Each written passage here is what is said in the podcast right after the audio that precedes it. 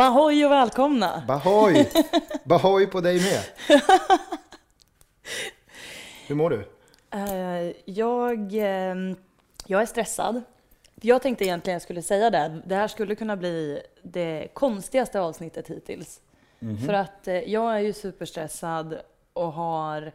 Jag har inte hängt med i någonting som har hänt den här veckan egentligen. Nej. Och du är sjuk. Ja. Fysiskt sjuk den här gången. Ja, precis. Eh, men nej, Så... precis. Jag, jag mår sådär. Jag, det, det, det är ju aldrig riktigt eh, läge att bli sjuk. Men eh, det här är nog det absolut sämsta läget att bli sjuk. Mm. Vi har två stycken matchdaginspelningar där vi ramar in landskamperna som kommer.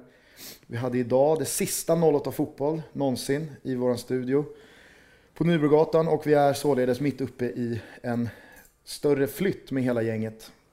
Eh, det innebär ju också att vi eh, för första gången spelar in FBTB från Bruket i bögringen utanför fan-tv-studion. Mm. Vi sitter hemma i min lägenhet. Mm, det gör vi. Och vi, vi kilar runt med de här uh, myggorna på oss. Ja. Så jag tyckte att vi skulle leka reality-serie en stund och låtsas att vi måste gå runt med mikrofoner på oss för att vi är med i någon dokusåpa. Men det ville inte du. Nej, jag tänker på, jag, jag tänker på hushållandet av batteritid. Dessutom så skulle det, vara, alltså, skulle vara riktigt jobbigt om en, en granne klev in här nu och såg liksom, dig och mig gå runt myggade ihop.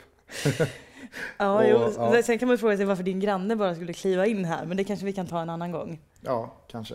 Mm. Eh, avsnitt åtta av eh, min, Gusten Dahlin och Elena Lövholms podcast FBTB är härmed igångsparkad.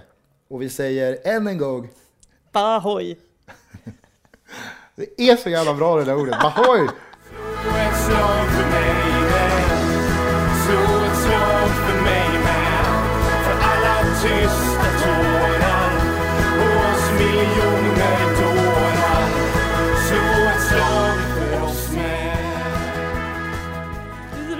Jag fick ett sms från Mårten förut. som skrev att han hade träffat, eh, han hade träffat eh, Segi. Mm. Som jag har förstått nu att man säger Segi. Jag hade rätt alltså? Ja, för jag lyssnade på Radio Råsunda idag med honom och då presenterade de honom som Segi. Så att jag tror att han, de, han hade kanske rättat dem om de sa fel. Men han skrev i alla fall att det blev mycket roligare att prata med honom när jag tänkte att han hette Segoi. Så det kan, man få, alltså, det kan man få göra framöver om man vill. När man pratar med Segoi eller Bahoy så kan man få tänka på att de heter så, för att det blir tydligen roligare då. Eller Jens Lundén. Vem nu det är. Funkar också. Apropå eh, Lundén så tänkte jag börja det här avsnittet med att dela ut veckans Lundén. Asså? Ja, det ska jag göra. Eh, den går den här veckan oavkortat till Bojan Djordjic, Henok Goitom och eh, Philip O'Connor. Och alla andra som har någonting att göra med Kista Galaxy att göra. Kista Galaxy är alltså ett fotbollslag som har sina rötter i vad då? Kista. Bra, bra gissat. Eh, som de startade upp för eh, tre säsonger sedan. Har knallat igenom sjuan, sexan. Och så i söndags då, då så var det sista matchen för säsongen. De var serieledare med tre poäng, men med sämre målskillnad gentemot Kista SC. Som låg tvåa. Så det var en direkt avgörande vinna eller försvinna match, eller vinst för uppflyttning till division 4. Som bedrevs på Ervinge bollplan eh, ute i Kista i söndags. Och jag älskar ju sånt där. Alltså, det, det är de där matcherna som man själv har det vuxit upp med att har spelat och tittat på. Och man träffar alltid liksom 40 killar som man inte har sett på sex år. Eh, och det, visst är det en låg nivå på fotbollen, absolut. Men det är inte själva grejen, utan grejen är att division 5-fotboll i vissa områden i den här stan fortfarande får tusen pers att gå till eh, en konstgräsplan och skjuta upp fyrverkerier, stå med bengaler. Det, liksom, det bara stinker från grillarna som är igång. Eh, de har tryckt upp matchprogram, det är speaker, de går in med, de håller liksom pojklag i händerna. Eh, och det är liksom världens grej trots att det är på den ja, lägsta nivån du kan tänka dig. Och det här laget i alla fall är, jag, jag ska inte säga att jag har stenkoll, men vad jag förstår så är Bojan och Henok ytterst eh, liksom involverade. De står som tränare för laget och jag tror att de har varit med sedan vaggan liksom, och ja. varit med och startat laget. Och, och, så det är verkligen inte att de har glidit in nu och Nej. satt lite stjärnglans på det. Utan de, de, de, de verkar verkligen brinna för det där och, och, jag har själv träffat dem ganska mycket senaste tiden och, och man märker verkligen att det, det är där deras, alltså det är inte for show deras fokus ligger där, utan de, de vill verkligen någonting med det där laget. Mm. Så jag var där och eh, det var en eh, jävligt rolig match att kolla på, framförallt med, med allt runt omkring. Men det var, de vann också med 2-0 ska sägas mot Kista SC. Så att eh, Kista Galaxy tog steget upp och Philip O'Connor ska jag bara säga. Han är ju en, lite av en fan-tv-profil, har suttit med mycket hos oss. Eh, han är också involverad i laget, har spelat tror jag när de låg i sjuan, mm. Eh, sexan. Nu är han mer så här, ah, det känns som att han, han, han har fingrarna i alla kakburkar i hela, mm. i hela laget och sådär. Så att min, min, eh, min veckans Lundén går till Kista Galaxy och det här laget tycker jag att man ska hålla lite koll på. För att inte bara så bedriver de en jävla härlig filosofi för vilken fotboll man vill spela. De vill hålla bollen på backen och de vill verkligen spela en viss typ av fotboll en fotboll som, kan man, som man, man, annars kanske inte ser allt för mycket av i, i division 5. Men framförallt så har de ett jävla socialt engagemang där de till exempel eh, bedriver läxhjälp för behövande skolelever i, i närområdet och nästa år så vet jag, nu kanske jag avslöjar för mycket, men jag vet att de har planer på att eh, dra ihop någon slags liksom, festival eller större get together med, med bara välgörande ändamål som, som syfte. Och, äh, jag, jag gillar den där eh, föreningen och det där projektet skarpt. Så att, eh, grattis till division 4-platsen, Kista Galaxy, och mm. grattis till veckans Lundén. Slå ett slag för mig. Slå ett slag för mig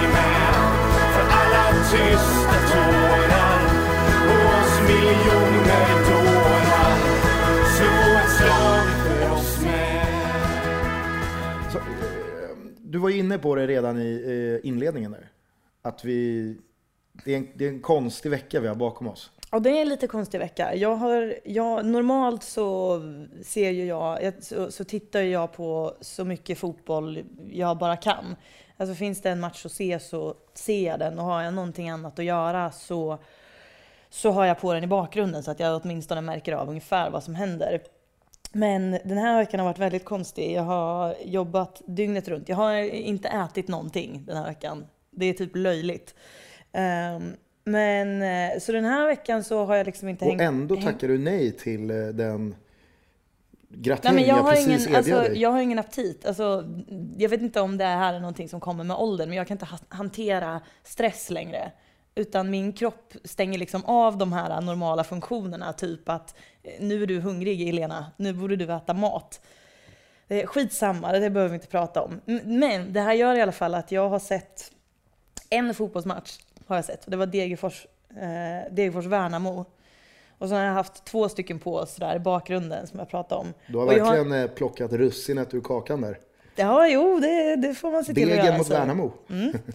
Men alltså, och sen så har jag inte hängt med överhuvudtaget, så att när folk började tipsa om grejer på Twitter och de drog någon referens, ja men det där bråket, eller den där grejen, eller länkade till någonting, då var jag helt, helt lost på det. Och bara, vad är det här för någonting? Mm. Jag vet inte. Uh, men, men du, du, du kan väl inte ha missat den oerhört hypade löpningen som Daniel Amartey tog i 94 den, minuten mot IFK Göteborg. Nej, alltså den har jag inte missat. Den tittade jag på 15-20 gånger på väg hem från, jag var i Örebro i helgen nämligen. Och på vägen hem så, så satt jag och äh, letade upp den där på the internets och äh, tittade på den om och om igen 15-20 gånger. Det är ju det är helt sjukt det han gör. Eller inte helt sjukt, men det är ju en riktig jävla tjurrusning. Ja, det där är intressant. Uh, för att... Uh, alltså, det jag kan verkligen ställa mig bakom är riktigt imponerande, är ju att han har den där löpningen i sig 94. Mm. Men sen vet jag inte riktigt vad, alltså så galaktisk är den ju inte. Nej men det, det är klart att den är överhypad. Kommer du ihåg Så, det här men- avsnittet när jag var inne lite på att eh, Amarteys mittbackspel blev väldigt rosat Mm. och att det ofta beror på att när man tar in en spelare från en annan position som spelar, kanske just mittback då, då att, det, att det, liksom, det adderas grejer till det. det. Helt plötsligt så gör mittbacken saker som Jo. normala mittbackar inte gör. Absolut. Jag men- myste lite men- när jag såg den där löpningen för jag kände så här, fan, jag är rätt ute igen.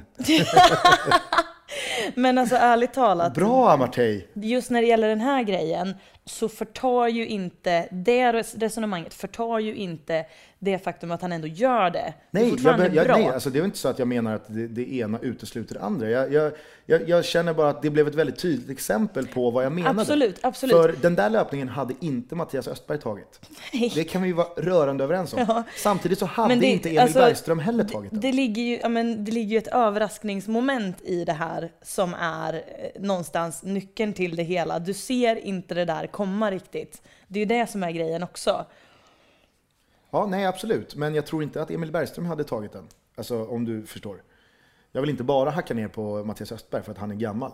Eh, utan det, det, jag tror att det har att göra med att det där faller sig naturligt för Daniel Amartey. Han är van vid en position där man liksom går iväg box to box, även fast du spelar mittback. Och han ville vinna matchen. Han såg ett läge, han drog iväg. Skitbra, men eh, liksom, lugn i bussen. Sitt lite ner i båten. Eh, det om Ja, det... det- eller, eller? Nej, det är bra. Mm. Det är bra. Något annat jag vill lyfta i den där matchen är ju... Jag blev sjukt besviken på eh, IFK Göteborgs bortafölje. Herregud, här är det liksom... Här är det fjärde sista matchen för året. Man ligger tvåa i tabellen. Man har en liksom långt ifrån minimal chans att faktiskt vinna SM-guld. Man visste att Malmö ska, ska liksom möta Häcken borta senare samma dag. Eh, man möter Djurgården, man åker till Stockholm, det är en söndag. Det är första gången då på eh, Tele2 Arena för IFK Göteborg. Varför sket de i det? De hade väl fått ställa in bussar till och med va? Ja, ja, visst, För att de visst. inte ens Och, och, fick och ihop de, folk. de som dök upp, vad jag har förstått, och det hördes ju framförallt, nu, nu gjorde ju Djurgården det jävligt bra eh, på läktaren, men vad, vad jag har förstått och vad jag hörde var det liksom att de som också var på plats, de sket i det liksom. Mm. De hade inte låtit någonting och det var liksom så här. Eh, jag, jag, eh, jag har lite kontakt med en, en Göteborgssupport som heter Andreas Toll. Eh, som är före detta ordförande i Änglarna. Eh, och som vi har jobbat en del med i vår produktion av 031 Fotboll. J- jätteskön kille och sådär. Han var uppe. Men han var också så här på Twitter eh, senare samma kväll. Så ställde sig han också frågan till liksom, varför gick man ens in på arenan för att stå där tyst?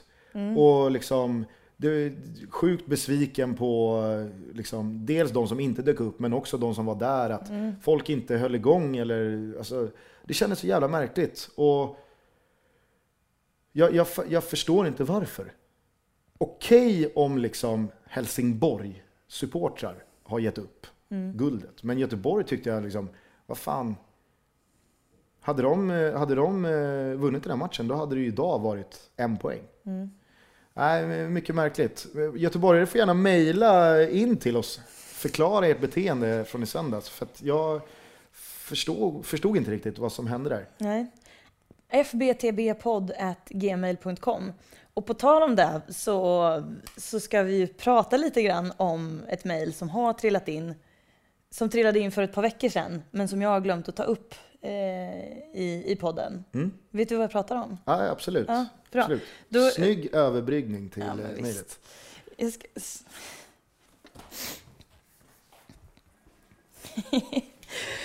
Ska vi se. Har du läst det här mejlet? Ja. Mm. Vad, vad... eh, Ska jag kanske läsa upp det?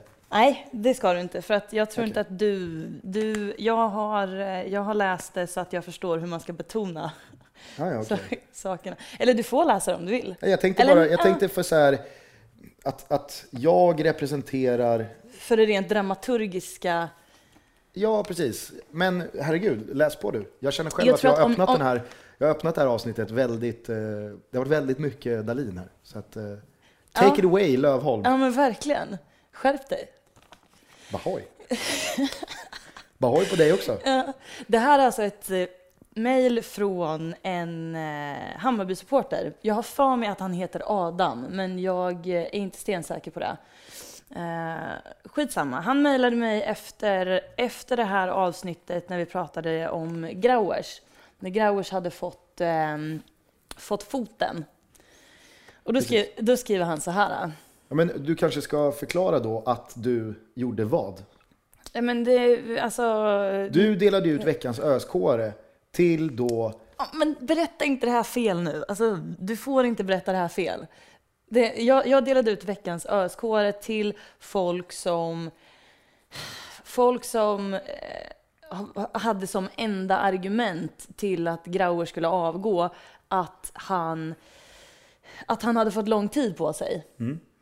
och du, Jag ifrågasatte du motsatte inte- det lite. Att har han fått så lång tid på sig? Ja, precis.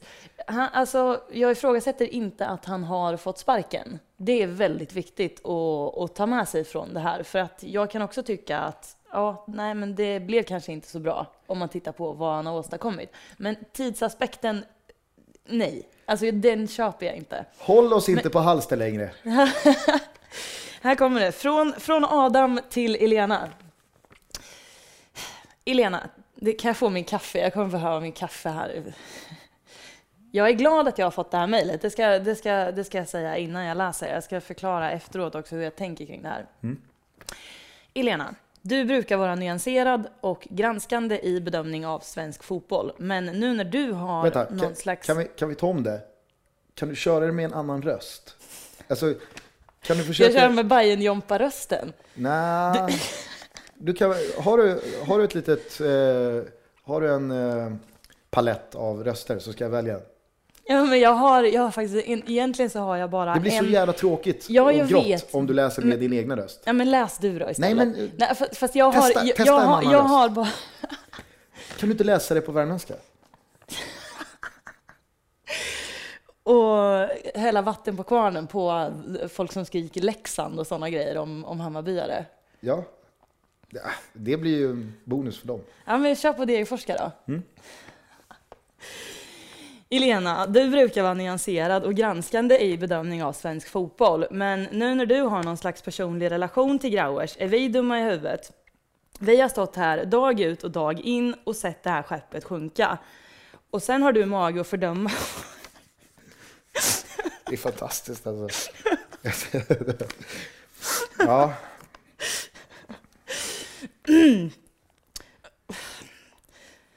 Och sen har du mag att fördöma vår kritik mot Grauers för att du tycker att han skickar gulliga smileys.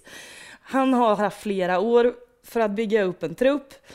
Han är snäll, han är en fin person. Jag trodde det handlade om att värva rätt spelare för att gå upp. Han har haft en sjukt bra superettan-budget, men misslyckats något helt kapitalt. Jag brukar tycka du är rätt på dig, Lena, men nu är du fruktansvärt onyanserad och respektlös mot oss som har levt och andats Bajen så många år att det inte går att räkna längre. Men han är snäll. Vad spelar det för roll?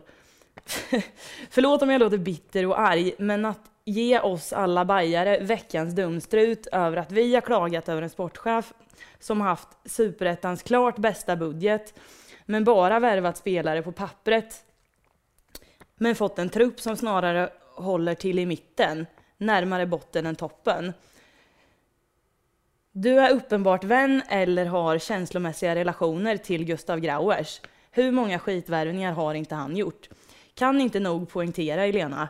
Du är respektlös så in i helvete mot oss bajare för att du har personliga och gulliga åsikter om Grauers. Du har ingen insikt i hur det ligger till i Bajen anno 2013. Ja, för det första, tänk, tänk om det var så där bajare lät.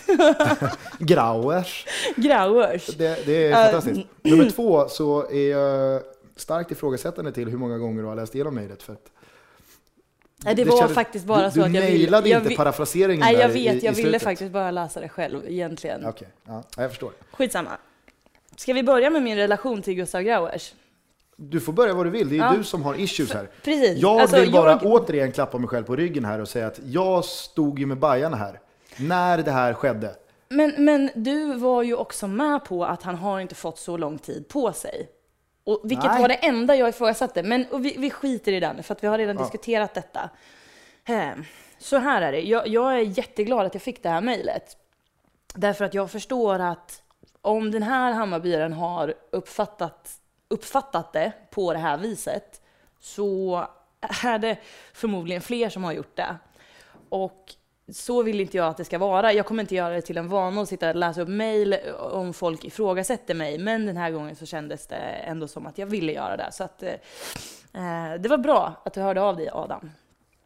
Men det här, för, först och främst så tycker ju han att jag, jag är snäll mot Grauers för att jag har en personlig relation med Grauers. Det var inte så jag menade. Jag nämnde i förbifarten att han är en snäll och fin person och det skulle jag kunna göra om eh, väldigt många spelare, ledare, tränare som jag har pratat med några gånger. Bara för att säga det, bara för att det här, vi är inte TT liksom, vi kan säga sådana saker. Um, jag jag, alltså de gångerna jag har träffat Gustav Grauers har varit på Söderstadion, på pressläktaren, man har surrat före eller efter en match. Skulle du hålla, eh, hålla upp en bild på mig till Gustav Grauers och säga vem är det här? Då skulle han nog förmodligen inte ens veta vad jag heter. Han skulle nog, han skulle nog säga att det där är någon som jobbar med att skriva om fotboll. Så, så det är absolut, Kanske, det skulle, är absolut kanske skulle han säga, hon ser också jävligt mental ut. Eventuellt. Vi kan, kanske kan testa det någon gång. Du får testa det. Eh, ja, men just, jag, jag känner när han, när han skrev så här om känslomässiga relationer, det låter som att han tror att jag är kär i Gustav Grauers och att det är därför jag sitter och försvarar honom. Och jag kan säga att det finns många fotbollsspelare, som, eller fotbollsspelare eller vad som helst, folk i fotbollsvärlden som jag tycker är snälla men som jag ändå skulle kunna ge en ordentlig hårtork i den här podden. Eller i bloggen eller var som helst. Så att det vill jag vara tydlig med. Att det, något, några sådana liksom, eh, några såna aspekter av detta existerar inte överhuvudtaget. Sen, sen så är det ju det här va, med att han, han eh, refererar till det som veckans dumstrut. Det, är ju roligt, men det heter ju veckans öskåre. Eh, och jag, jag känner lite så här att det, det var väldigt eh, det var väldigt spontant allt det där. Jag, jag kom ju på när vi pratade om Bayern att eh, jag ska utse dem till veckans ÖSK. Det var inte genomtänkt överhuvudtaget. Förberedd som vanligt. Åh, ja, men nej, inte så jätte den här gången. Men eh, jag känner i alla fall att det var för hårt. Jag tar tillbaka den. De är inte längre eh, veckans öskåre. Och sen så var det inte, det var inte alla bajare. Och det var inte specifikt bajare heller, utan det var folk som tycker att han har fått väldigt lång tid på sig. Punkt. För att han har inte fått väldigt lång tid på sig. Men Men samtidigt så måste du ju, du måste ju respektera folk som tycker att han har fått lång tid på sig.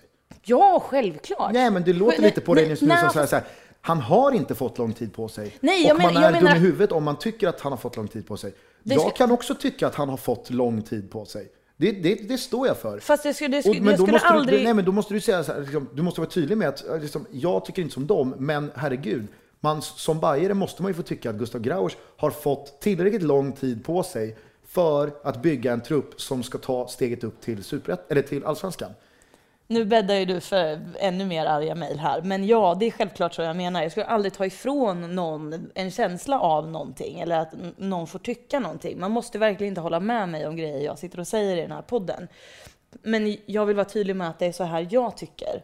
Jag tycker inte att det är lång tid för en sportchef. Tre år. Jag tycker inte att det är mycket. Så, varf, sen- sen- så varför sen- men- tar men du tillbaka Jag tar- veckans öskåre? Jag tar tillbaka den för att jag inser att jag har ett annat sätt att se på sånt här än, än vad Hammarbyare har. Därför att jag växte upp i Degerfors. Där, alltså, om vi skulle åka ur superettan i år, det skulle inte komma på fråga att sparka våra tränare. Det existerar inte. För att vi vet att vi har någonting, alltså att, att, att vi har bra tränare och att de gör det liksom det de kan med det de har och så vidare. Men i Bayern så har man ett helt annat sätt att se på sådana här saker. Så att det där, jag, jag talade utifrån vad jag tyckte och det landade bevisligen fel. Så Men ska man inte alltid göra det? Jo, men självklart. Men nu, nu säger jag också det att det, det var inte supergenomtänkt, det jag sa. Jag, jag tycker fortfarande som jag tycker. Jag tycker inte att han hade lång tid på sig, men jag tycker inte att det var värt en veckans ösk Okej. Eh, men jag då, då som, fem, alltså, som, en, som, en, som 50% av den här podden kan ju inte tillåta att vi har en, en, en lucka hängandes i eh, veckans ÖSK-streaken. Ah, Så att vi kan, du får inte ta tillbaks den här utan att du fyller den med något annat. ska jag ge den till någon annan? Okej, men kan det vara någonting, alltså måste det vara någonting som hände den veckan? För att det kan ju bli jobbigt att... Ja, det måste det vara. Så att då- du får i uppgift till nästa En retroaktiv En veckans retroaktiv veckans öskåre. ska delas ut. För vi kan inte ha ett svart hål. Ja, vad, hände det där? vad hände den där veckan då? Nej, Elena drog tillbaks utmärkelsen. Ja, vem fick den då? Nej, det har vi inte bestämt. Så kan vi inte ha det. Nej. Till nästa vecka så har du en retroaktiv veckans öskår att dela ut. Är Mhm. du med på det? Ja, ja, jag är med på det. Ja. Ska du kanske ta ve- veckans öskåre då? Ja, det kan jag göra. Det är ju du. Ja, jag misstänkte nästan. Jag, jag, jag låg farligt till. Ja, du ligger farligt Men till. jag petade dig från nästa veckas 08 i bilen på väg hit. Precis. Eh, Gusten hade ju bokat in mig eh, för att vara med i 08 i nästa vecka. För, för andra gången då. Och eh, dels så tycker jag att det där är jävligt roligt. Och dessutom så var det väldigt bra timing därför att 08 spelades ju in på onsdagar och söndag samma vecka så spelar Hammarby Degerfors på Stockholmsarenan. Och då tyckte jag att, ja men gud vad kul att komma dit, så kan jag vässa lite med Holmström inför den matchen. För att ni pratar ju alltid om eh, de kommande matcherna i slutet av programmet. Så att jag såg ju fram emot det där, eh, gjorde jag. Men eh, tydligen så petas jag till förmån för, eh, får jag säga vem det är? Absolut. Eh, Erik Sundin är det som kommer. Den Eh, fantastiska Erik Sundin. Mm. Visst, har väl lite av en tagg, tagg i sidan till honom nu. Mm. Efter det här alltså. Jag har inget emot honom i övrigt. Det känns som att jag måste vara jättetydlig med vad jag tycker om folk nu efter det här. Men, eh, nej, men så att eh, det, och egentligen så tyckte inte jag att det var så farligt för att då, jag är bara med en annan gång, det är ingen big deal. Men du, det var det var intressant att se hur du våndades. Alltså du tyckte det var så jobbigt att jag eventuellt skulle bli upprörd över det här. Så att du sa att du förklarade, du förklarade dig ungefär 10 minuter extra, alltså mer än vad du behövde. Du kunde bara, du kunde bara ha sagt, alltså vi har försökt få dit Sundin ett tag, nu har han sagt ja, han kan bara då. Är det okej om du kommer en annan gång? Men eftersom att jag märkte att du lindade in det lite grann och liksom la upp för det och sen så lång förklaring efteråt, så blir det roligt. Ja, men jag är Om inte, du får är bära någon slags hundhuvud för det här. Jag är inte mer än människa. Alltså, det är klart att det, det är aldrig kul och det är aldrig kul att bestämma någonting med någon man tycker om och sen så dyker det upp, i det här fallet, liksom strictly business, ett bättre alternativ för oss, för mig, för programmet. Att då behöva säga till dig liksom, du, vi får ställa dig, vi får pusha dig till någon annan dag, för du är inte lika viktig som Erik Sundin. Det känns ju skit. Det, det är klart att det gör det. Och samtidigt är jag glad att jag känner som jag gör. Att man inte är den här iskalla jäveln som bara, du, du får... Ari eh, Gold Ja, typen. exakt. Nej, den vill man inte vara heller. Så att, eh, nej, men jag förstår. Jag förtjänade nästan den här veckans överskådare. Men det gör ju att jag tar en hattrick här. Tredje gången. Japp, Eh, jag drar ifrån i toppen. Så att, det gör du verkligen. Gustav Grauers, catch me if you can.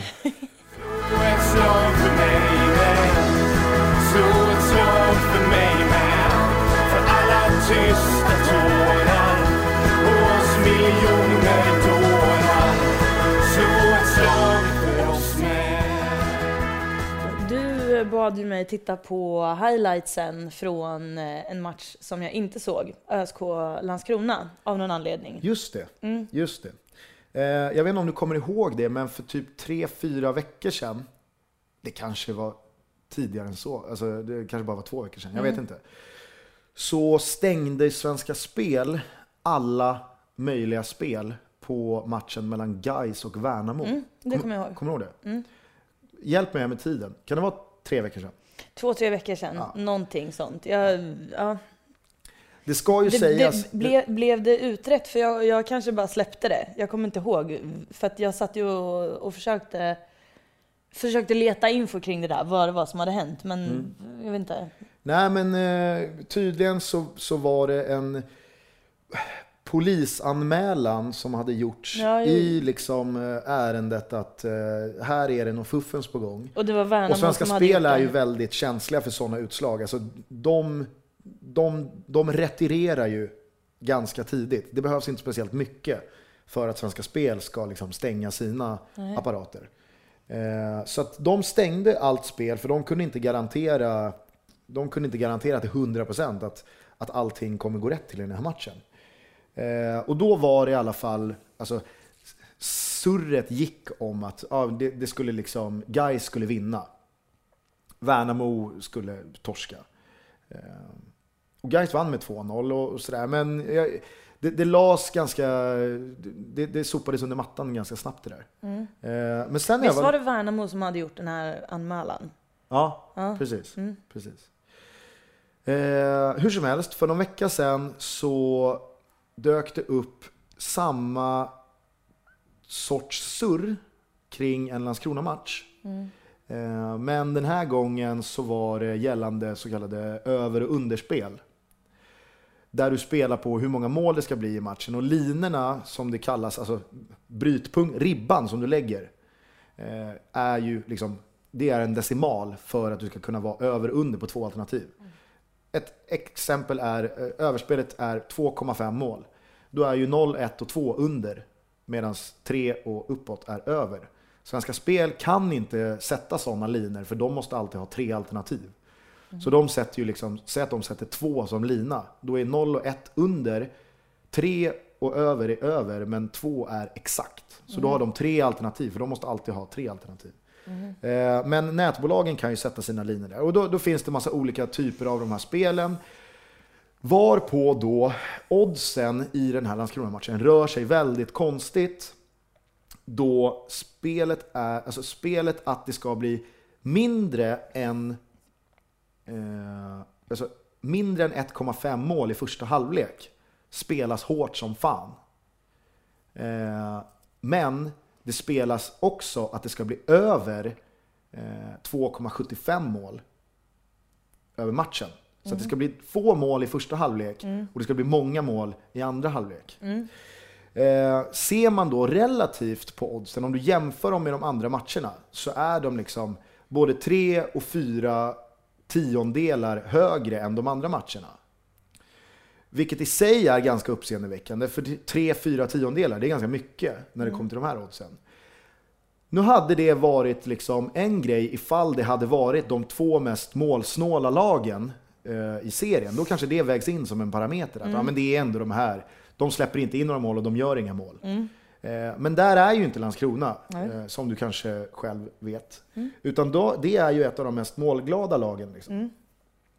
Eh, Så att eh, det, det, det var liksom väldigt märkligt. Jag satt och kollade på de här, hur oddsen hade rört sig. Och, så här. och det ska sägas att jag är verkligen ingen, alltså jag är inte någon eh, alltså, haj på det här.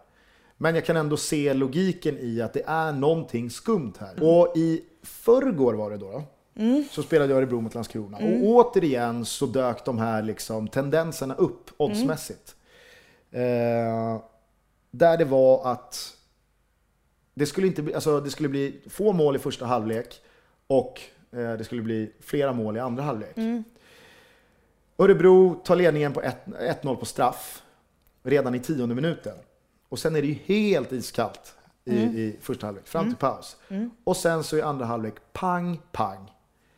Med två stycken mål som är högst diskutabla i hur de går till. Du ville, ju- jag bad ju dig kolla på de här målen Ja. eh, för att bilda en egen uppfattning. Och självklart, det är superettan, det är fotboll på superettanivå. Ibland så kan det se ut som en jävla hönsgård i de där försvarsspelen och i straffområdena. Men det är också, eh, det, det är ett olyckligt sammanträffande Mm. att när det finns de här rykten och när det tisslas och tasslas om det här, Mm. att det liksom på pricken då, jag tror att målen, tvåan och trean kommer i 50 och 55. Alltså det är liksom pang, pang efter paus. På det sättet, alltså på de, två sätten de kommer också. 2-0 målet är en lös nick hem som, de, som Örebro förvaltar eh, och springer in 2-0. Och 3-0 är bara ett löst inspel på en forward som får stå helt ensam och bara nicka in den från två meter. Må så hända att det spelas dåliga försvarsspel och att det är så det går till. Men tänkte du på hur reaktionerna såg ut på Landskrona-spelarna eh, när de här målen föll? Ehm, Ja, du menar att det... Normalt, Det- det- alltså, jag kan tycka att en normal reaktion när du släpper in mål som de målen, Mm. så har du ju ofta en målvakt som är Liksom, det har ju tagit hus i helvete i honom. Mm. Han är ju ute och gestikulerar och skriker och är fly förbannad på hur Mm. fan en spelare kan få stå så ensam. Eh, mittbackarna brukar ju reagera på ett sätt som att liksom, man, man står och pekar på varandra. Vems gubbe var det här? Det här är din. Nej, men jag kollar Mm. på första ytan. Du måste flytta in eller jag släppte över till dig. Alltså, det är ju det normala. Mm. Ingenting. Eh, och jag, alltså, nu låter det ju verkligen som att jag pekar med ett visst finger här på Landskrona. Och det kanske jag gör, samtidigt är det jävligt allvarliga eh, anklagelser. Så att jag, jag, jag, jag skiter i Landskrona och, och att det såg ut som det gjorde där. Men jag vill någonstans ändå att eh, man börjar ta det här med liksom, eh, matchfixning på allvar. För det sker i betydligt högre serier än superettan. Så varför skulle det inte ske i superettan? Jag vet att i fjol, då, då briserade ju den här, alltså en liknande typ av, eller, nu säger jag ju att det här är, fastslaget, det är inte, men i Norge, kommer du ihåg i Norge förra året? Så var det ju spel på division 2, division 1 och division 2 nivå. Där det var liksom, alltså, där det blev offentliggjort med matchfixning. Men det känns fortfarande som att väldigt många i det här landet lever i tron om att sånt där sker inte i Sverige. Ja men så, alltså, så är det ju. I, i idrottssverige så är vi ju ganska naiva. Vi, eh, vi tror ju inte att eh, våra friidrottsstjärnor dopar sig till exempel. Det, Nej, finns, nej, det är otänkbart. det existerar inte.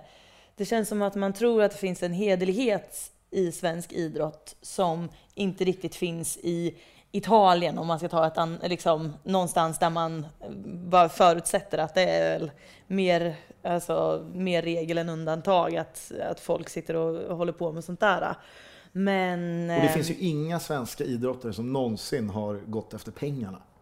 Nej, nej, nej. Det är såklart inte. Det, det, i, i, I svenska idrottsklubbar skulle man kunna göra som, som Vänsterpartiet och införa en sån här att tjänar du över si och så mycket pengar då ska det efterskänkas till... Jag menar alltså Andreas Granqvist, han, alltså, han gillar ju Krasnodar. Ja, ja. Alltså det är Vem vill inte spela där? Va? Vet inte. Ja, nej, fortsätt. Nej, nej men så, eh, så är det. Alltså, jag är helt med dig där. Och jag, alltså, jag, jag, eh, jag noterade lite grann det där med reaktionen också. Men jag har samtidigt bara kollat på det typ en gång så att jag, jag ville inte riktigt säga det. Men eh, fine. Alltså, jag, eh, jag sa ju det förut att om, om man vill se sånt här i Superettan, om man vill få för sig att någon verkligen vill förlora, då är det inte speciellt svårt att hitta. För att man kan, man kan verkligen facepalma så jävla hårt över hur, hur kan den där passningen inte nå fram? Det är helt omöjligt att inte få fram den där. Eller hur kan du inte hinna ikapp honom som mittbacken på 2-0, där, Kalle Holmberg liksom. Det är ingen Amartey-rusning han tar för att komma fram där liksom. Så att eh, absolut. Sen är jag verkligen inte insatt i, alltså jag, jag kan ingenting om spel och sådana där saker. Så att jag förstår knappt vad du säger. Nej, men jag, jag kan säga så här.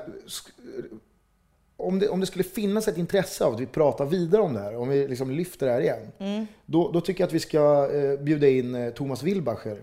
För att han jobbar ju med det här och har stenkoll på vad det, liksom, vad det är för typ av spel och hur oddsen rör sig och varför det är märkligt och, och sådär. Och han är ju eh, väldigt, väldigt insatt i det här. Så, och, och, det, kanske, det kanske vore bra för oss också, så att vi inte bara står och, och svingar här eh, när, när vi kanske har missat någonting jätteavgörande. Men själva fenomenet, det- var ju det jag ville prata om liksom, i stort. Inte Landskrona i, i, i smått, utan Nej. Jag själv har spelat fotboll på nivå, jag menar det, det är flera, flera år sedan liksom, nätbolag började med spel på division 2 och division 3 nivå. Mm. Nordicbet du- har ju haft division 4 eh, i säkert 4-5 år. Mm. Eh, och jag menar, herregud. Där kan jag säga att där förekommer det uppgjorda matcher. Har du blivit approachad?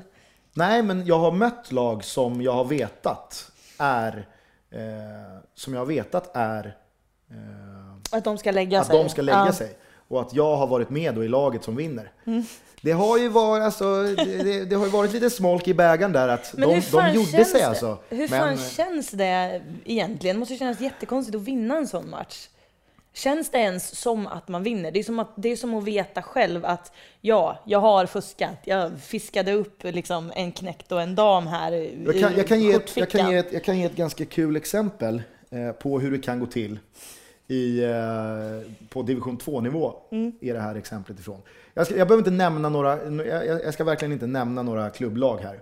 Eh, men jag hade fått höra av en kompis att eh, det här laget som är klara serieledare, alltså de, de, de var klara för att vinna. De, de, alltså de, Ja, ja, de, de var klara för uppflyttning. Ja, ja, mm. det var sista omgången. De tar emot ett lag som låg under strecket men som fortfarande hade chans att nå eh, kval. Eh, jag får höra av en kompis som är mer eller mindre inblandad i den här matchen att eh, det, det är uppgjort, det är fixat. Seriesegrarna kommer att förlora matchen mot det här andra laget. Vi får fem gånger pengarna på tvåan. Ja, ja, alltså jag, är, jag skulle själv aldrig ställa upp i eh, liksom, laget som ska lägga sig. Men här finns det, ett, eh, liksom, här finns det en fem gånger degen eh, möjlighet som jag inte tänker bortse ifrån. Alltså att jag skeppar ju in mina liksom, 1000, 2000 vad det nu var på tvåan. Eh, och, och liksom så här, ah, ja, men nu, nu är det bara, nu är det bara att hova in. Det, det ska ju vara klart där. Varpå då jag får, liksom, jag, jag, jag följer inte matchen på plats, eh, men jag ser att i 89 så står 1-1. Eh, och så liksom, jaha, ja ja okej. Det, kanske, det kanske bara var eh, liksom, rykten eller snack eller någonting. Eh, men det visar sig då att tvåan trillar in för att i 96 minuten så gör de 2-1. Och då så får jag det förklarat och berättat för mig i efterhand att eh, vid 1-1 så har då hemmalaget som skulle förlora matchen. De har på en offensiv hörna flyttat upp sin målvakt. Med förklaringen att vi vill avsluta snyggt och vinna. Ja. Eh, varpå hörnan nickas ut och eh, det här motståndarlaget, då, bortalaget, eh, kan springa upp och lägga bollen i ett eh, öppet mål. Och sen så blåses matchen av. 1-2, slut, tvåan sitter, fem gånger pengarna in, pang, skitbra. Eh, jag, alltså, jag vet ju, liksom, alla fattade ju varför målvakten flyttar upp vid ställningen 1-1 i 95 minuten. ja, men iskallt att vänta till 95 minuten. Ja, men då undrar Det man ju så här, hur risiga var det här bortalaget på att göra mål? För kan du inte slå ett lag som vill förlora, Ja, eh, då, då, då, kanske man, eh, då kanske man har att göra i botten på den där tabellen. förmodligen. Nej, men alltså, det är inte så jävla ovanligt tror jag. Eh, att lag som inte har någonting att spela för, det kan ju vara liksom uppåt eller du ligger i mitten och du kan, du kan bara bli fyra eller femma Mm. och det är sista matchen. Och du möter ett lag, och jag menar på den här nivån, alltså i Stockholm, herregud, det är inte så jävla lätt att, att, att få sponsorer, eh, att stoppa in pengar och få liksom en budget klar tills nästa år. Nej. Och finns då alternativet att eh, liksom, du, du kopplar upp ett par personer som, som trycker in hårt på, på motståndarlaget och du lägger dig... Jag menar, det är inte snyggt Och, och det är inte liksom etiskt rätt. Och jag skulle aldrig ha någonting, alltså jag, liksom, för mig skulle det aldrig vara okej. Men jag är ju inte dummare än så att jag vet att flera lag i alla fall överväger alternativet. Slå ett slag för mig med. Slå ett slag för mig med. För alla tysta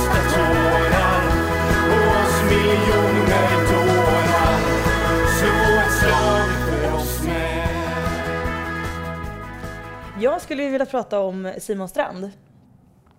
Vet du vem Simon Strand är? Nej, jag, eh, nej, ingen aning. Du frågade mig förut om du behöver skämmas för att du inte vet vem Simon Strand är. Det kan man ju få tycka till om. Jag tycker inte att du behöver det. Nej, Men, vad bra. eh, Hade du sagt att jag ska skämmas över Simon Strand så hade jag förväntat mig att han har satt större avtryck i fotbollssverige än vad Jonas Lundén har gjort. Han, har, han sätter lite avtryck här och där, men han gör det i det tysta. Alltså, man vet inte att det är han som gör det. Eller ja, många vet att du vet bevisligen inte det. Eh, men du kommer känna igen grejer han har gjort. Det är det som är hans coola grej. Är han släkt med Staffan Strand?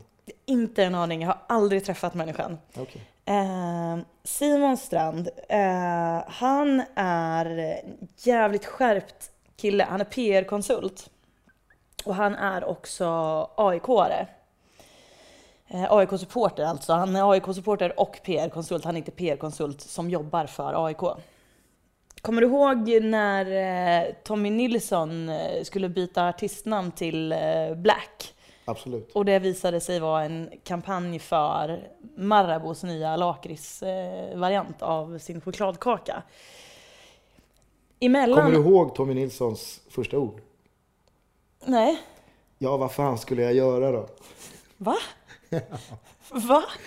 Ja, alltså, ja, när folk frågade, jag sa, varför gör du det? Ja, vad fan skulle jag göra då? På tal om vad då? Ja, men, eh, Varför att, han ställde upp på kampanjen eller? nej, men att han liksom, att han... Jaha, för att han skulle byta namn? Eller vad då? Nej, han, vad Tommy Nilsson, om. vad fan, när, när, liksom, när började hans eh, låga slockna? 20 år sedan. Och nu ska han släppa en ny platta, allvarligt. Alltså, det är inte jättemånga som, liksom, man står inte och hoppar utanför skivbutiken för att Tommy Nilsson, och då, men det här movet var ju, det var ju skitsmart. Det var skitbra. Men det hörde man ju också på honom. Ja, vad fan skulle jag göra då? Jag kan ju inte bara släppa en platta. Då, då, liksom, vem bryr sig? Jag tyckte det var kul. Det var, det var alltså, bra självdistans Tommy. Ja, det var roligt. Men från det att han eh, går ut med att han ska byta artistnamn till Black och att det annonsas att det här var bara på skoj för att eh, det här är egentligen en chokladkaka. Så hinner ju eh, AIK kuppa kuppen, om man säger så. Eh, det här födde ju också ramsan kuppa kuppen, kuppa kuppen AIK. Det är roligt. Skitsamma. Eh, och det var det Simon Strand som låg bakom. Det var så inte AIK rent officiellt, utan det var Simon Strand som... Så Simon Strand hade ingenting med Tommy Nilssons Black. Alltså, Nej. nej. Nej, det hade han inte. Jag kan ju tänka mig att han, eftersom att han jobbar i PR-svängen, så kan jag tänka mig att han kanske visste om att det var en Marabou-kampanj och han visste ungefär när de skulle gå ut med det och han förstod att vi kommer få sitta hela natten med det här. För att det var det han gjorde. Han, eh, han ringde ju Adam Tensta, någon mer så här, producent, så här, folk han bara känner som kan komma på uppstuds och bara vi spelar in en låt. Och så låtsas vi, alltså vi hijackar den här kampanjen så att AIK får lite uppmärksamhet. Han, eh, han har gjort flera, flera grejer. Den här eh, gå två, betala för tre. Eller hur var det? Ja, den här man skulle betala för, för en polis. Polisnoterna skulle in. Precis, eh, då när AIK skojade lite med polisnoterna. Ehm, det var också han som, som låg bakom det och jag vet inte alls hur det där funkar. Om han pitchar in idéer hela tiden till AIK och de liksom hugger på vissa utav dem och så fakturerar han det. Eller om han rakt upp och ner bara gör det ideellt för att han älskar AIK. Det har inte jag en aning om. Men det jag ska komma till är att AIK är ju, AIK får väldigt mycket uppmärksamhet. Och det är ju ingen slump. Alltså, det beror ju dels på att de är en väldigt, väldigt stor klubb. Men det beror ju också på att de är duktiga på sådana här saker. Alltså de är väldigt duktiga på kommunikation. bara en sån sak som att jag vet, och du vet också förmodligen, i AIKs nya shop som har öppnat idag. Eh, man hade ju förmodligen inte ens vetat om att den öppnade om det hade varit en annan klubb. Men på de här små larmen som de har på grejerna, ifall att du skulle försöka sno någonting, så är liksom de här små lamporna är röda, blåa, gula. Så att om du försöker sno någonting så blir du en djurgårdare. Att jag vet om det, det, liksom, det säger ganska mycket. Um, de är väldigt duktiga på att kommunicera saker, vilket gör att de får uppmärksamhet. De gjorde en jättegrej av Kärna-matchen, för det har ju folk ifrågasatt. Varför fick den så mycket uppmärksamhet? Det är bara för att det är AIK. Nej, det är för att AIK paketerade det på ett väldigt eh, kompetent sätt. Ett- Både du och jag har ju fått bastning av eh, folk som jobbar för Brommapojkarna. För att vi inte skriver om eller rapporterar mer om Brommapojkarna. Men det funkar ju inte riktigt så. Man kan inte bara säga att jag tycker ni ska skriva om Brommapojkarna och sen gör man ingenting åt det själv. Utan du, får ju, du måste ju skapa saker själv. Det är så det funkar. Det Alltså, finns jag inget tror- att skriva om. Nej, nej men alltså, det, det, det är de, ju kärnan. de, ju, de förlängde liksom kontraktet med, nu kommer jag inte ens ihåg vilken spelare det är, för att de gick inte ens ut med det officiellt på sin hemsida. Och det är ju bara så här, det är, det är ju standard 1A, det måste du ju göra. Jag tror jag får pressmeddelande från AIK typ en gång i veckan om alla möjliga tänkbara grejer. Liksom. Men jag fattar också att alla har inte råd att lägga som stora resurser. Jag tror inte att Värnamo eller Varberg Boys har, kan anställa en eller två personer som jobbar med bara kommunikation och PR och ser till att det skrivs om oss. Det jag ska komma till är att jag tror att fler klubbar skulle behöva se till att hitta en Simon Strand. Alltså, de flesta klubbar har ju någon som... Får jag bara fråga en grej? Mm. Eh, alltså, har, har AIK någon, jag antar att AIK har någon PR-människa. Alltså, Som då, det låter ju som att den personen bör hänga löst. Till förmån för Simon Strand? Ja. Menar du? Nej, men det tror jag inte. För Simon Strand gör ju de här roliga extra spex-grejerna liksom. Fast det är ju de också som har fastnat, eller? Ja, jo, absolut. Men det handlar ju också om en kontinuitet i, i kommunikationen. Att kommunik- kommunicera saker ofta med samma typ av budskap och, och så vidare. Och det är ju det är ett dagligt arbete. För jag jobbar ju med marknadsföring själv, så att jag vet ju att det är ju ingenting du bara...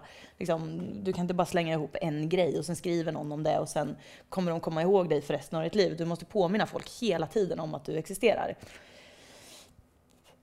Um, Jo, alltså de flesta klubbar lyckas ju ändå hitta någon som kan vara eh, materialare eller, och någon som kan vara mm, skriva på hemsidan eller sköta ett Twitterkonto eller vad det nu kan vara. Och eh, i väldigt många fall i svensk fotboll så är ju det här ideella grejer. Det är ju folk som bara tycker om klubben, vill hjälpa klubben och bara ställer upp. Och jag kan göra det här ett tag för att jag tycker att det är kul. Um, men det är ju få klubbar som, får, som är riktigt, riktigt bra på kommunikationsbiten. Och jag tror att man skulle behöva lägga lite krut på sådana saker. Försök hitta någon på orten som är jävligt duktig på PR som kan hjälpa klubben och hitta de här roliga vinklarna. Det finns ju säkert, alltså Varberg Boys kan ju inte skämta om polisnoter men de kanske kan skämta om andra saker liksom. Så att man får lite uppmärksamhet och slipper sitta som Brommapojkarna och hacka på folk på Twitter för att de inte skriver om Brommapojkarna. Förstår du vad jag menar? Ja, jag förstår absolut vad du menar. Håller du med mig? Ja, det är absolut. För jag menar, liksom, eh, är, det no- är det någonstans som svenska klubbar kan liksom, ta steg? Jag tror någon, alltså, svenska lag når vägs ände fotbollsmässigt någon gång. Jag menar, Kalmar kommer aldrig bli tio gånger bättre än vad de är Nej. idag. Men på ett sånt här plan så kan Kalmar bli tio gånger bättre än vad de är idag. Och det, och det kan... Eh, jag tycker till exempel, alltså bland det smartaste, eh, bland det smartaste, nu, nu vi- visar sig kanske inte det på plan, men Halmstad bollklubb har ju tagit hand om eh, Texas Johansson. Och tagit in honom som, och liksom jobbar med promotion. Och, och jag måste säga att jag, jag lever långt ifrån Halmstad bollklubb. Men bara av att följa eh, Per Texas Johansson på Twitter så hänger jag med lite i vad som händer i HBK. Och jag tycker han gör det skitbra. Sen så vet inte jag om han exakt har den rollen du efterlyser här. Det kanske han har, eller så kanske han har någon, någon slags version av den. Men som du säger, bara hans liksom underfundighet och finurlighet, hans namn och hans driv att någonstans lyfta en mindre klubb och försöka göra den lite större än vad den faktiskt är. Det når ju fram. Och visst gillar du Halmstad lite, lite mer för att du ser nå- någonting i Texas identitet ser du också i Halmstad. Ja, ja absolut. Men jag vet inte om du, har du någonsin varit på en sån här upptaktsträff som är före säsongen? Jag var på en riktigt sexig upptaktsträff för division 2 division 3 i våras i Folksambyggnaden. Men det är ju, alltså det är ju en... Kan eh, berätta, kan- en snabb liten eh, anekdot är ju att förbundet tänker ju helt fel där. Ja. Eh, För då ska ju varje lag gå fram och berätta om eh, ja, sin verksamhet. Eh, Och i, i Stockholm så är ju alla Stockholmsklubbar som då tillhör division 2 eller division 3 tillhör ju olika division 2 och division 3. Någon är i division 3 östra Svealand, någon är i division 3 södra Svealand, någon är i division 2 eh, södra Norrland och, ja, och så vidare. Du fattar. Men då börjar de ju med de bästa lagen. Eh, Alltså de som ligger högst upp. De som har någon annanstans att vara. Så då, och, och det finns ju ingen kutym att eh, här sitter man kvar och lyssnar på alla. Så att eh, folk kör ju sitt race, lyssnar kanske på de som är i samma serie som en själv. Sen går man. Så att när det var dags för mig och min tränarkollega Robin eh, att presentera våra, våran säsong, våran trupp, våra tankar inför året. Då var det ju två stycken, eh, två lags tränare kvar. Nej.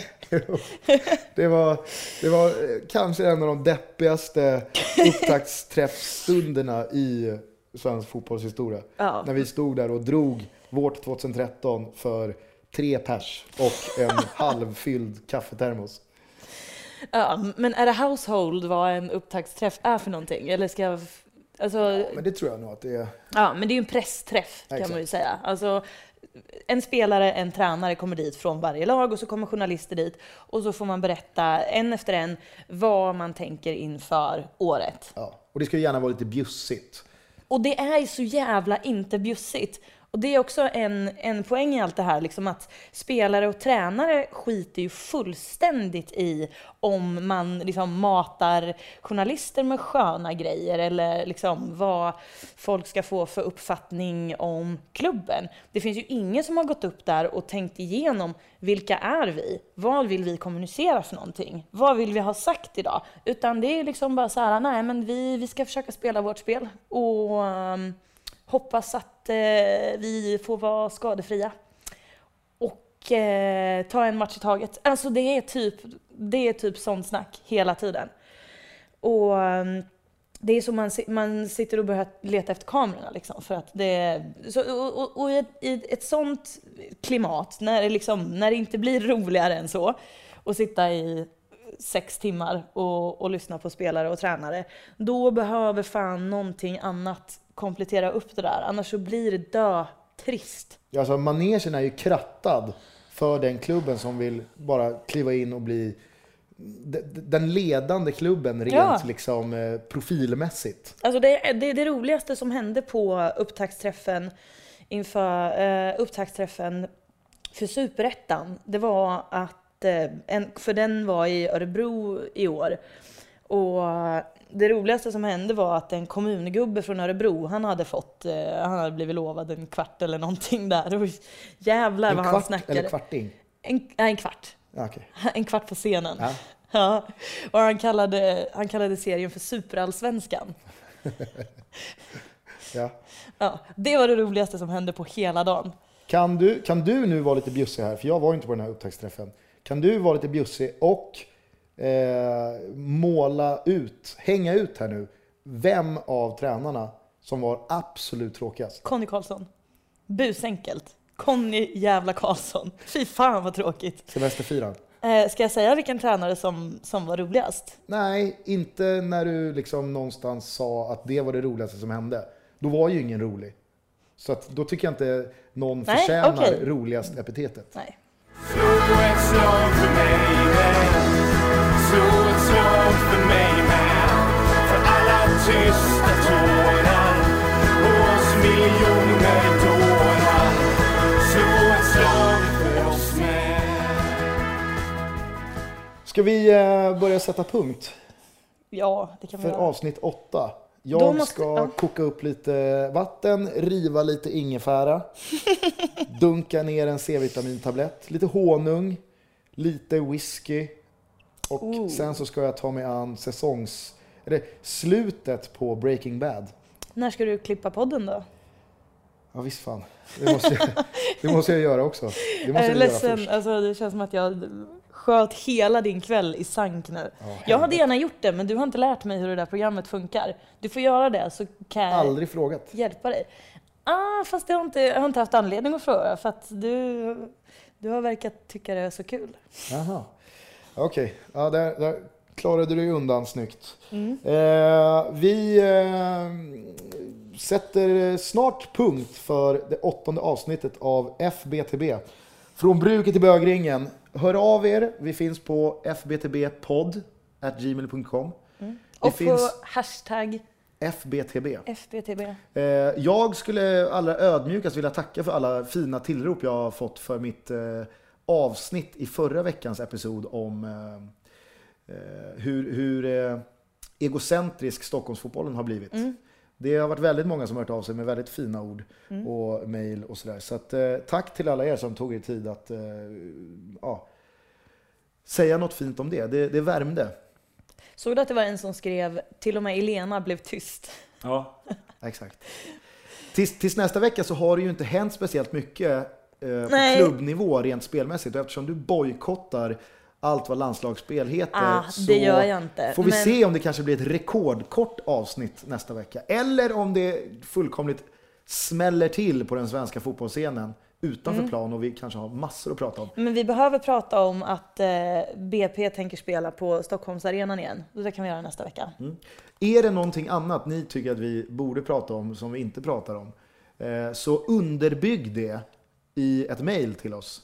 Med någon schysst länk eller någonting och, och varför vi ska prata om det. Jag, jag fick eh, lite påtryckning om att vi skulle prata om Huskvarna och Och deras det. tåg eh, till Superettan. Från division 2 till Superettan Mm. på typ två säsonger. Men, och det är så här, jag hade gärna pratat om det, men jag har stendålig koll på Huskvarna. Jag vet inte vad det handlar om. Nej. Jag vet inte vad det är de har gjort. Så att istället för att bara pusha det med en tweet, snacka om Huskvarna FF, alltså, så får man gärna liksom underbygga det. För att, alltså, skicka med lite sköna stories om det, eller vad är det som har hänt? För det, liksom, jag kan inte bara slå ett slag för ett lag som har gått bra i division 1 och nu ska upp i Superettan. Eh, men eh, så, att, så att jag tyckte det var ett skitkul, liksom, det, var, det var en bra push. Men jag vet inte riktigt vad jag ska säga. Förutom att det är kul att det verkar gå bra för Huskvarna. Exakt. Och på tal om att slå ett slag så ska vi också uppmuntra folk att gå in och lyssna på eh, låten som har eh, loopat här några gånger under podden. Stockholm 2010 heter den och artisten heter Eddie Lavholm Eriksson. Och vad sjunger han i refrängen? Slå ett slag för mig med, för Precis. alla tysta tårar. Och för alla tusen dårar. Nej, för våran typ av dårar. Jaha. Så mycket har jag lyssnat på den. Visst ser du? Eh, Bahoy på er! Ta hand om er där ute. Det är, det är en eh, grym värld vi lever i. Men det finns stunder av lycka som är värda att fånga. Ja, var snälla mot varandra. Bahoy! Bravo.